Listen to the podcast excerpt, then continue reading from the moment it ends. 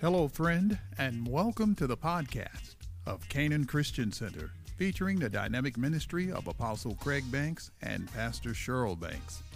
Set your heart to hear a life changing and empowering word from God.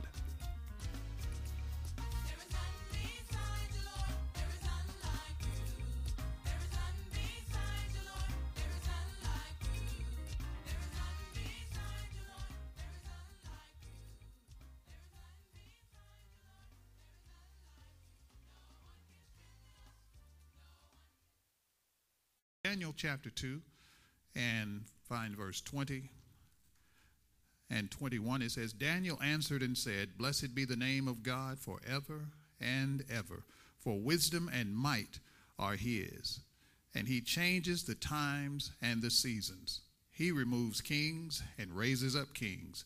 He gives wisdom to the wise and knowledge to those who have understanding. Uh, a footnote you need to start asking the Lord for his might. Amen.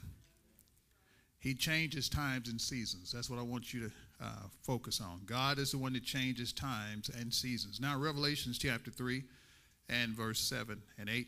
And the angel of the church in and to the angel of the church in Philadelphia, write these things says, He who is holy, he who is true, he who has the key of David, he who opens and no one shuts, and shuts and no one opens. I know your works. See, I have set before you an open door, and no one can shut it. For you have a little strength, have kept my word, and have not denied my name. And what we've been sharing with you, we want to continue, is called the season of the open door. This is what the Spirit of God spoke to me. He said, Son, we have come into, He's brought the church into a season, not a year, but a season of the open door. And he says, I'm the one who opens a door and no one can shut it. And I'm the one who shuts doors and no one can open it. And he said, Now I want you to see something. I have set before you, say me. He set before each of us an open door. And he said, No one can shut it. And the issue that we have is, or the question that arises is, do we see the door that the Lord has opened before us? Amen. And I want you to get this in you because this is a, it's a new season. It is not new to God, but it's new in its expression in our in our day. And this is a, a season. Years ago, I asked the Lord, I said, well, how, when does your season end? Because, you know, the Lord told me I was to do a particular thing for a season and I didn't like what I had to do. I wanted that season to be over with, and I was I figured it at least tied to the seasons that I'm I know about. You know, spring, summer, winter, fall. You know, at least three months, stretching it four months. And uh, I said, well, how long does your season last? Because it was in the, into the fourth month, and uh, of that particular uh, thing he told me to do. And in that fourth month, uh, it's like, okay, this ought to be over with. You know, he ought to let me out of this. So I asked the Lord this brilliant question How long does your season last? He said, uh, When does it end? And he said, It ends when I say it ends. And so uh, he just told us that we've come into this season. So I don't foresee it ending no time soon. Amen. And if with this open door, uh, I'm telling you, change and transition, flipping the script, turning the table, all of that is, are the things that uh, will be happening for you and I and the people of God if we would dare believe what the Lord is saying and grab hold of it. Amen. Amen. Anybody willing to grab hold? Amen. I'm telling you, you can't just sit back and say, "Well, I know the Lord. The Lord's going to do it. You know, He's God, and He want me to have it. He'll give it to me. He already said, "I've set a door before you." Paul said in another scripture that um, there's a a, a great door and effectual or, or a huge open door stands before me but there are many adversaries. And a lot of times we look at the adversaries and not at the door. We got to have the attitude i don't care if the adversary jumps in front of the door he can't go through the door he can't shut the door. So uh, all he wants you to think is that he won't allow you to go through the door. But you got to have a steamroller mentality. Amen. You know how you would act if uh, you hadn't eaten in a while and they somebody fixed you your favorite meal and there it is sitting in the door on the table you see the steam coming up off of it and somebody's going to jump up and tell you you can't have it. You already know how you would act. And step it up a little bit, and uh, there's a large sum of money, about uh, four pallets of cold hard cash that totals about 40 mil. It's yours. And somebody gonna tell you you can't have it. Will you cry and turn around and go go back? Or will you just sit there and whine and look for a deliverer to come? The deliverer has come and has opened the door said, That's yours. Look at somebody and say, Go on, take the money and run. Amen. And so we got to understand that we've come into this season, and this is a season for the church, and it's the season of the open door. And I just thank God for it. I'm, I'm so excited about it, too. Uh, as I told you before, you need to ask the Lord to open my eyes to see the door. And guess what I just found out about me? I am just now coming into my assignment. It's like all these years? And he's like, Yeah, all these years. Like, my God, if the training has been what it has been, and I, you know, rejoicing over the victories in the training, just think about what the real deal is like. It's like, oh my God, just now, he said, just now. Everything else has been dress rehearsal. Good God Almighty. And in the training, we had failures. And we thought that the failures were just that. I failed God, and you know, and it can weigh heavy on you. But here's how good the Lord is. He takes what we have called failures and make them work for us, and they become times of rehearsal for greater victories than we ever imagined. Amen. So I want you to know, go ahead and take a deep breath and let it out. You are where God wants you to be. I don't care if you call it a failure, if you were upset with yourself, all of that.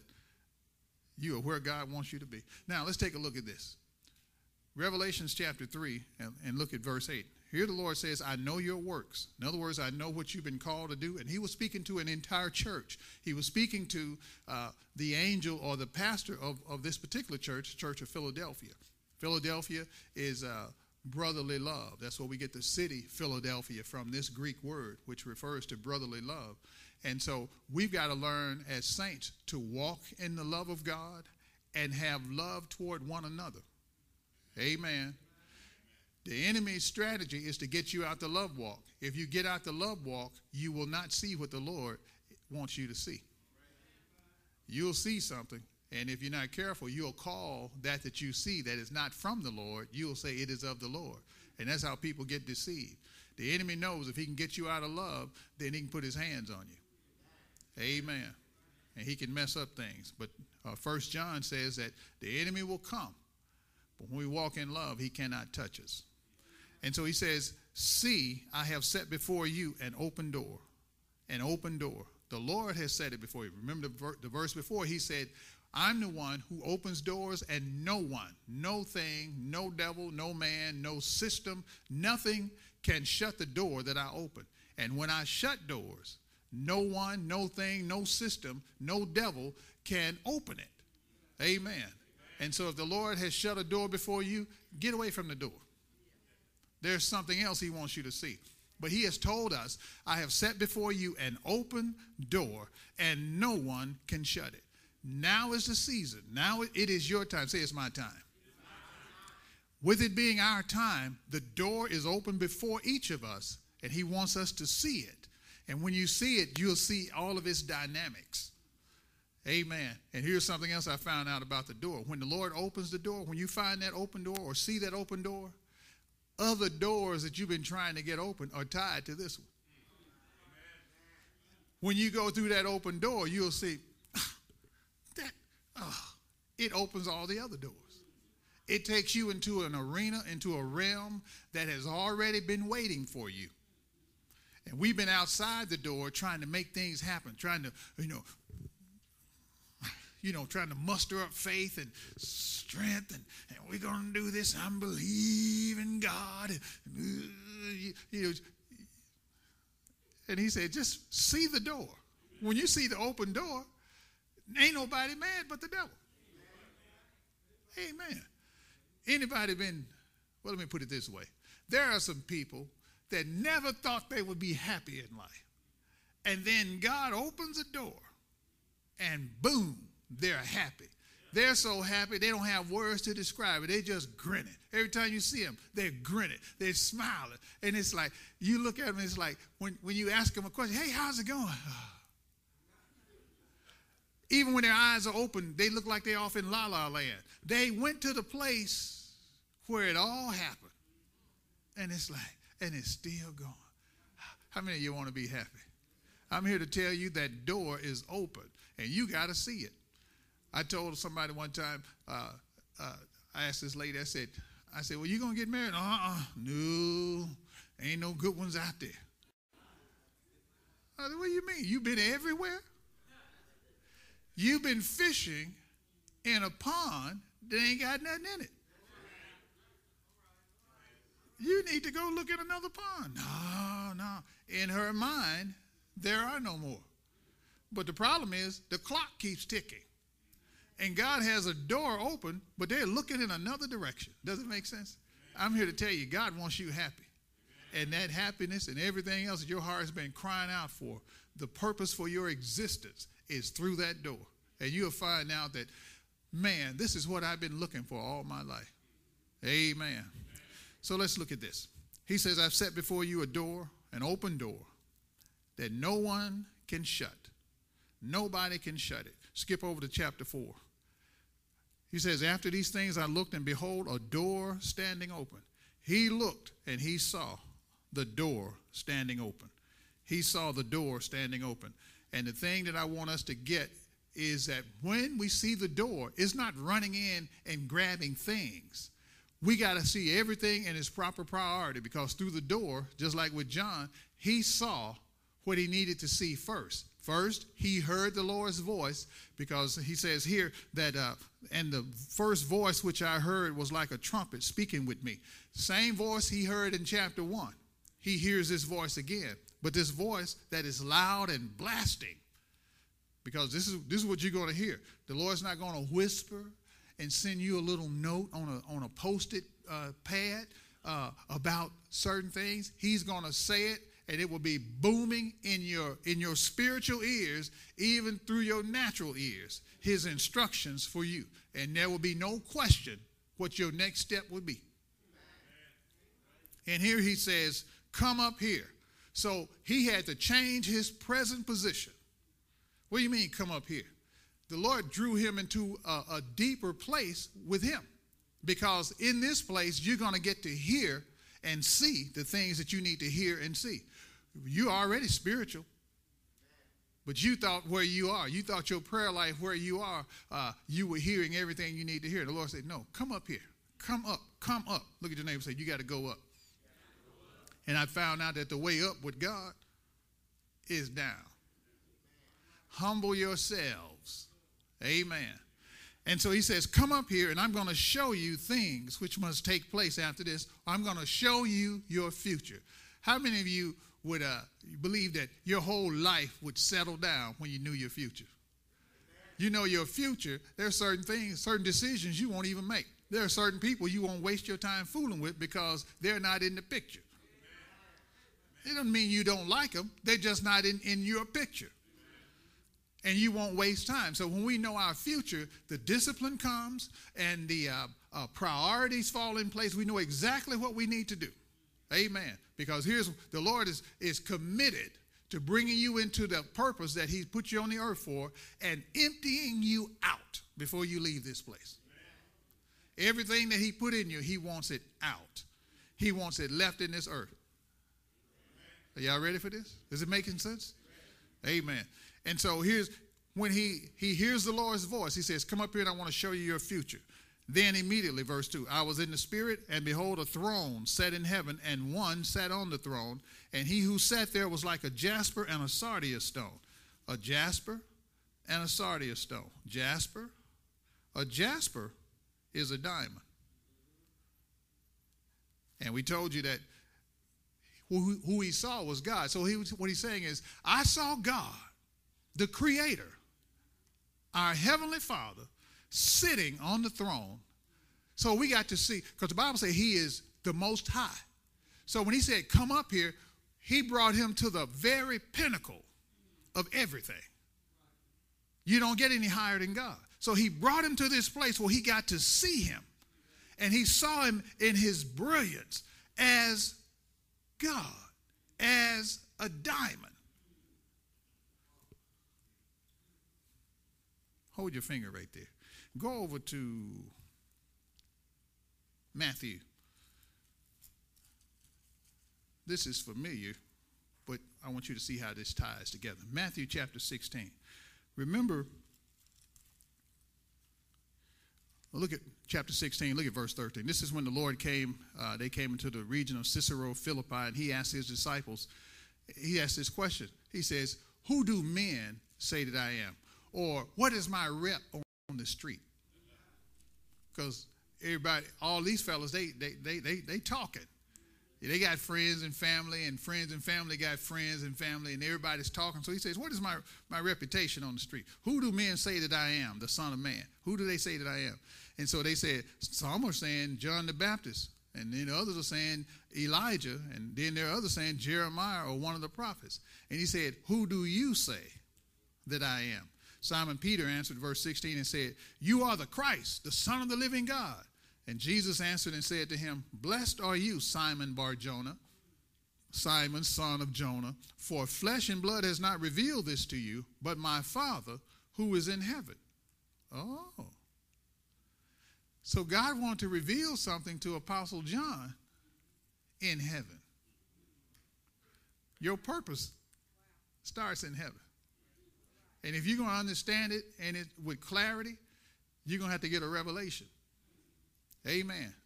You can run around to people and ask all kind of questions, but there's a revelation that's going to come from the Father to you about your place.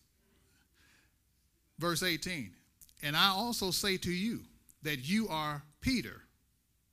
Uh oh, Peter, you're a rock or you're a little stone.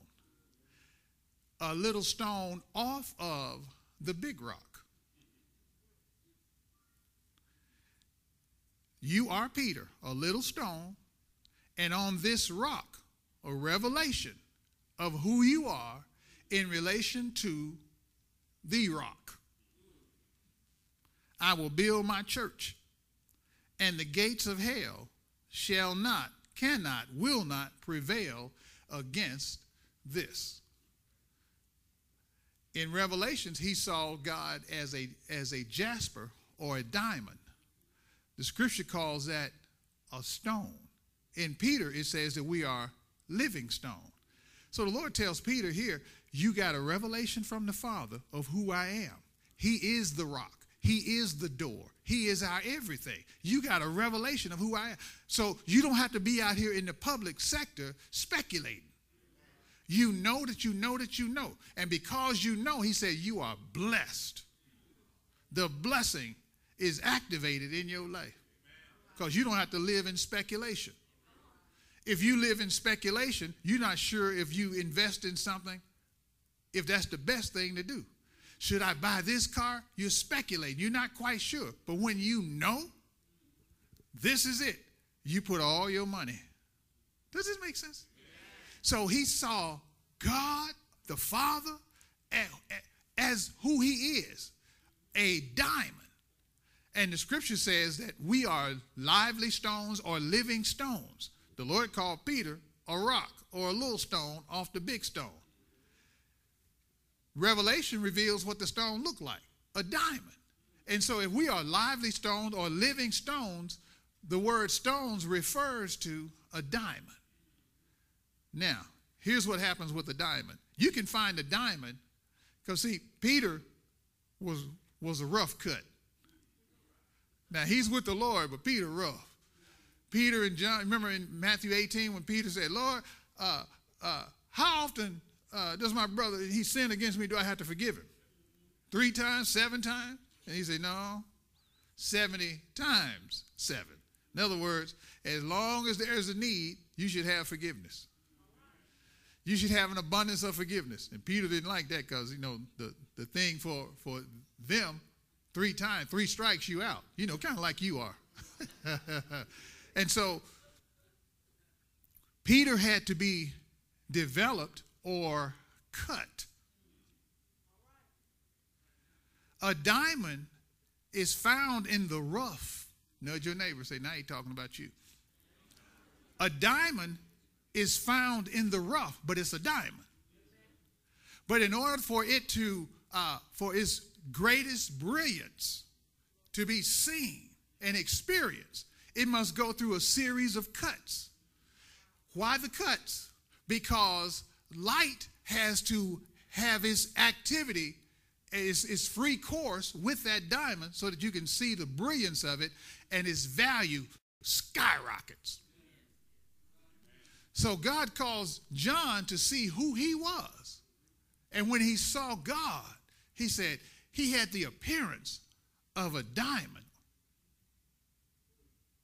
And the Lord told Peter, You're a rock. You're a piece off the big rock. And this revelation of who I am and who you are in me. I'm going to build the church. Build the church. Build the church. Because, see, if the Lord just released us through, through this door and we got stuff, we would walk past him. He would never be the priority. So the first thing it was, you got we got to see where we come from. And so God is the diamond, and we are lively stones or living diamonds. But we've been found in the rough. We're saved. And now he takes us through this process of cutting. So you take a diamond, and here's what, what, what, what those who, who, who uh, cut diamonds, they take the rough diamond and keep it near them, keep it on their person. Because they're getting a vision for the cut, the shape of that diamond, because that diamond is going to go in a certain setting. So God already has, the Father already has his vision for you. You're going in a certain place. I'm going to show you in just a second. But before you can get set in that place, the place that we're going to be set is absolutely glorious. But before you get to that place, he wants you to experience the glory of God on this side. The glory of God resting on your life. So they take that diamond and they keep it to their person. Then they get a vision for it. Then they set it in a place that holds it. And then they cut it. They don't cut it with a saw. You cut it with a diamond. You cut a diamond with a diamond. The word of God. The, God and his word are one. God takes his word. That's why some of you, when you hear the word of God, you're like, ooh, they just cut me. Oh, you cut me, preacher. No, God cut you. And that means there's something there that he wants gone. And a lot of the cuts that the Lord makes, when we look at what fell off, it looked like it was valuable. I like that. I was using that. I thought I could keep that. And he said, No, it's got to go. And so they cut it. And what they do, they line up with a particular angle that is going to be cut and strike it. Over in, in uh, Hebrews chapter 4, it says that the word of God is quick or alive and powerful, sharper than any two edged sword, piercing to the dividing asunder of soul and spirit. That word piercing means to strike with a blow. So the Lord take his word and line it up on an area of your life, and he, with precision, cuts. And there, there's, I think, 57 or 58 cuts or facets with a diamond that it goes through that that's done with that diamond so that the brilliance the most brilliance of that diamond can be seen when it's cut then it's set on a backdrop of blackness and light enters into the top of that diamond and bounces off of every angled cut and then comes back out the top in a spectral or like a rainbow and and everybody that sees it goes Wow. Ooh. The Bible says, Let your light so shine before men that they may see your those good works are the cuts that God has done. So we're trying to we're trying to let our light shine, but you hadn't been cut. Tell your neighbor, say, "Uh oh." Look at you still in Matthew. Look at what the Lord says. He tells Peter who he is, and a revelation of who Christ is, and who I am in Him. He says, and hell cannot prevent any of this. Verse 19, he says, And I will give you the keys of the kingdom of heaven, and whatever you bind on earth will be bound in heaven, and whatever you loose on earth is going to be loosed in heaven. Uh oh. He's telling Peter, you are, I'm giving you the ability, now that you know who you are, to open doors and to shut doors. So there's a lot of stuff we've been asking the Lord to do, but we don't know who we are. And we'll find out He already gave it to you to do.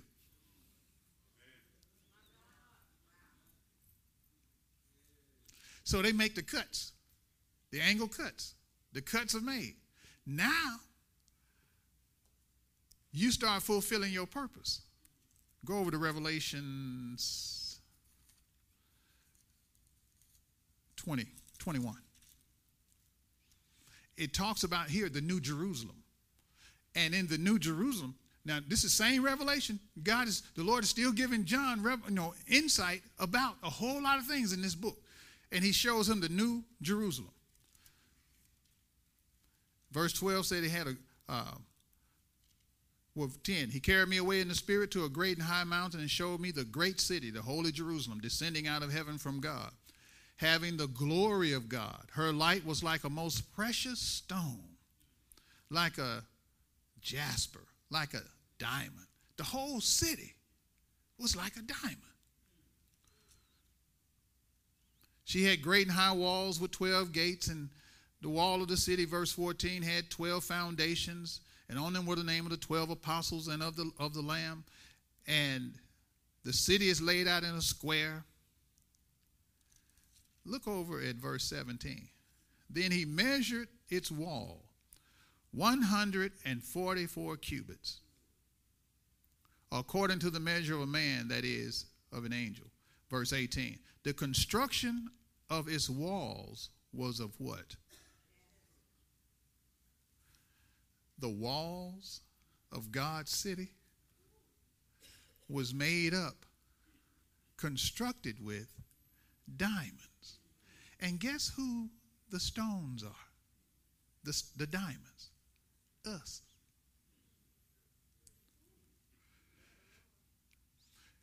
An Old Testament example of this is when Solomon built the temple. The Bible says the stones were not cut on site.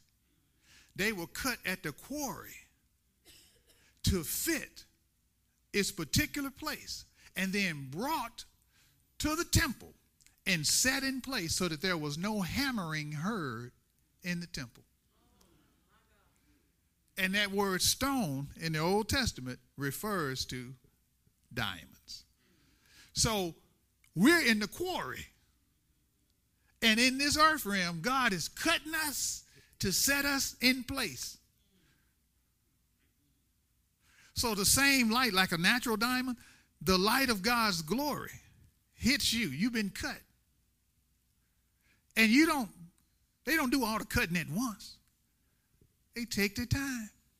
So there's stuff you wish the Lord would just go ahead and remove, get this over with, and bring me into my destined purpose.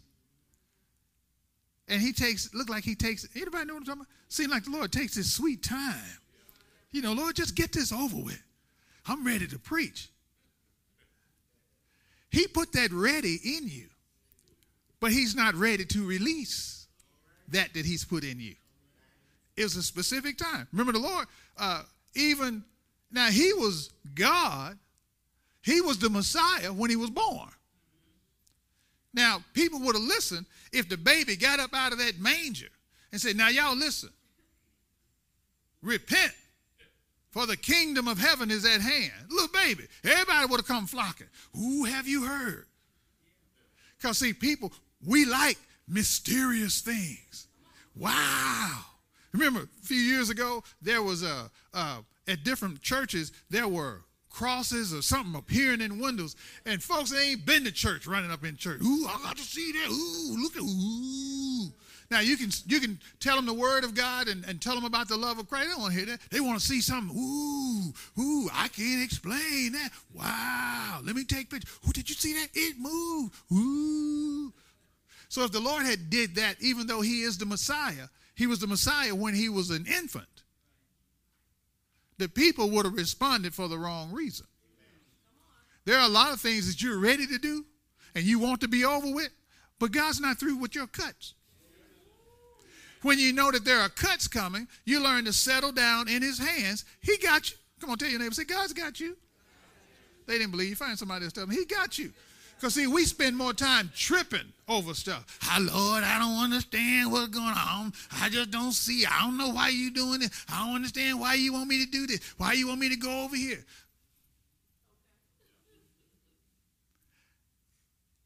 I ought to have time, but I want to show you even why the Lord hooked you up with me.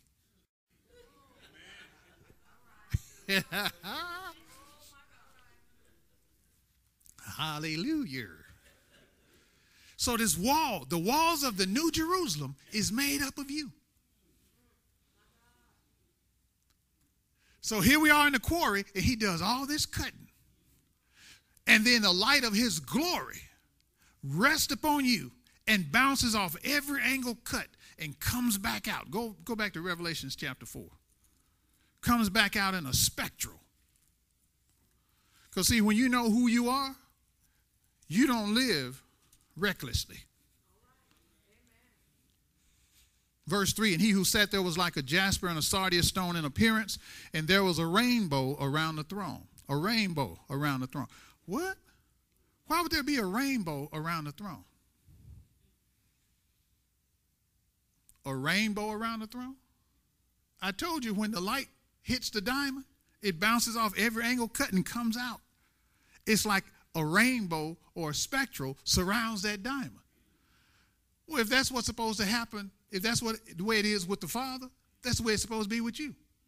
When you walk into a place in your it's your season, it's supposed to be lit up with the glory of God. Folks can't quite tell what, what's going on, but it's like it's something about you. Anybody ever had somebody come up to you like this? It's something about you. It's the glory of God. Amen. But see, we walk around, ain't nothing about me. I don't know what they talking about. You know, I'm just I'm I'm just like everybody else. That's your problem. You you're doing just what the other disciples did. Who do they who what's the rep on the street? What are people saying about it? Oh, I don't know. Some of them say you John the Baptist, something. And Peter said, You are the Christ. You are the one that everybody has been waiting for since the fall in the garden. And he said, Flesh and blood didn't reveal that to you. And he didn't say an angel. He said, My father, where everything got started. He downloaded a revelation. So that, and then he said, Now, Peter, son of Jonah, you are a piece of the rock. Amen. But here's the thing with being a piece of the rock the whole rock and the piece, the pieces grow. Keep expanding. That's why the kingdom is in you. The kingdom doesn't just sit there, the kingdom of God expands. So when you go into a place, everything starts coming online from heaven that this can't stay like this even in your job or whatever it is you do in your profession at home, nothing is supposed to stay the same. It's supposed to be invaded and impacted by the kingdom of God that's in you. You won't stay like this. You won't tolerate lack. You see your income and it's like, Lord, something on the inside of me says, I've got to give more. But if you're just going by your income, your income sets, sets limits. The kingdom of God is limitless. So the limitless wants to break out of you and invade. And the kingdom don't say, go get six jobs now. The principles of the kingdom, the laws of the kingdom of God wants to lay on and invade and, and take over every area of your life. So even when you go to work, you come in and you can't help that you have the wisdom of God flowing up out of you. And you see, this, this should change. We do this, it would save money and we'd be more productive. Then your adversaries stick up, stick their head up. Ah, oh, you just trying to take over. You think you know, oh, you just want your supervisor's job. If they don't watch out, I will have it. You being mean, no. I am a stone off of the big stone. Does this make sense?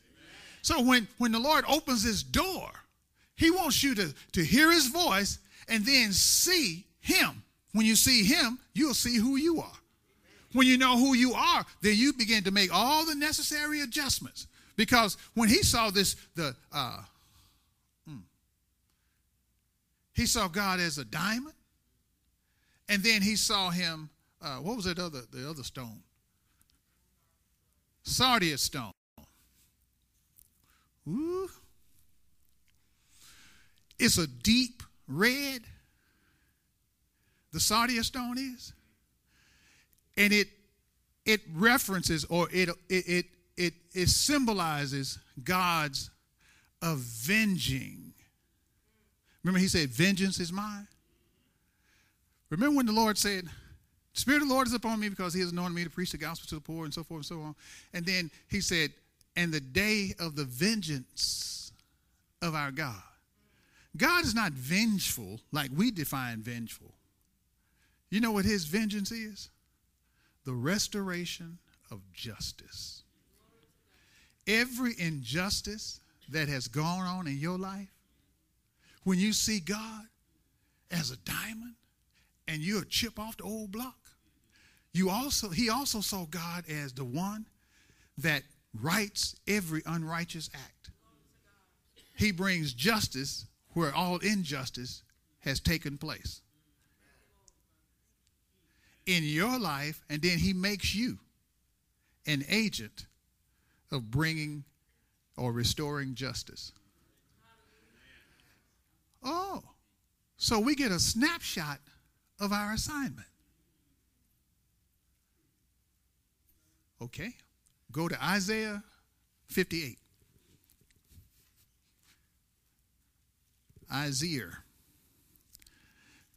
Because we told you before that if the Lord has authorized us, He's deputized us, and now He's saying it's time to mobilize. And He said, before your people can mobilize, they must understand the kingdom. And in order to understand the kingdom, you got to understand our apostolic assignment. Oh, remember, it wasn't just Peter that he said he was going to give the keys to open and shut things. It was Peter the apostle So we got folks running around yeah, I got keys, but you ain't been able to open up nothing because they're not connected to an apostolic assignment. God never deviates from his order. And the Lord told me when I was reading this, you know, in my office at home, my chair has a high back. If it did not have a high back, y'all probably wouldn't be looking at me now because I would have fell over backwards and fell through the window. Because I was reading this, and then he opened my eyes. I saw it. I saw it from God's perspective. Verse 12, Isaiah 58. Because this is our apostolic assignment. You go ahead and read the book that we put together about the apostolic, you'll find this in here. Those from among you shall build the old waste places. You shall raise up the foundation of many generations, and you shall be called the repairer of the breach the restorer of streets to dwell in. Oh, ho, ho, ho, this references Ezekiel 22, where the Lord said the prophets were out of order, the priests, you know, they were like wolves ripping the people off and doing all kind of things. They were anointing the folks with untempered mortar or false anointings. And the, the princes or the public leadership, they were corrupt. And then the people were abusing each other. He said, Then I sought for a man from among them, from among the priests, from among the prophets, from among uh, the, the public leaders, and even from the people. He said, I could not find anybody out of anybody's group. He couldn't find nobody who would stand in the gap. The gap means a break or a breach. That would cause, and it's just like a door. I couldn't find anybody who was in position that could open up a door or would shut a door, who would who would create a portal between heaven and earth so that the will of God would be done. Our assignment is to repair breaches and restore justice. Now, let me see the hands of you. Even when you see stuff on TV where there's injustice, something goes off on the inside of you, it's like it's about to drive you absolutely crazy.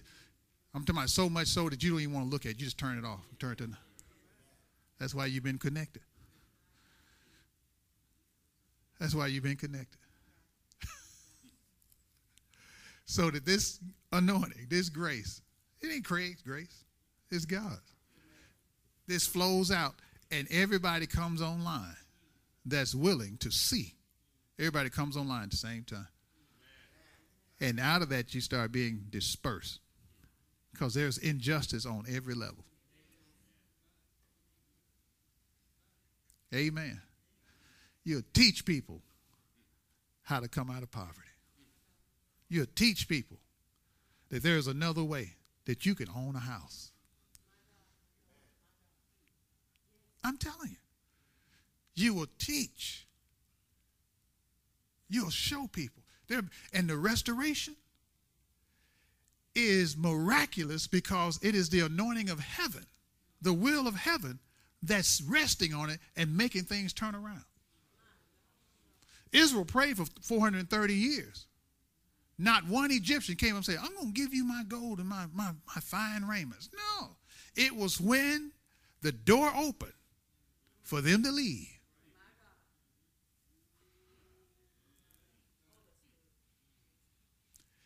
Whew. And now y'all, y'all, y'all students of the Bible. You go and look up the I can't give it to you now because time won't permit. Re- restore and repair, the definitions will blow your wig off. One of the meanings of restore has a phrase in it called restore in blood. It means that everything that was legally taken from you, there's a blood covenant that says you get it back. It was the blood covenant. Cut, smeared on the doorpost, on the door. Shut the door so that destruction couldn't come in, but open the door for you to get up out of there. They were slaves at 1159. At midnight, they were free men, free women. It's time to go. Look at your neighbors. It's time to get up out of here. We got a blood covenant. So we've been stuck over here. Well, I'm just waiting on Jesus to return again. He's like, I'm coming back when the church gets its proper cuts and start doing everything that I've, I've ordained for it to do. Because the gospel will be preached everywhere. And I'm out of time. Give the Lord a hand of praise.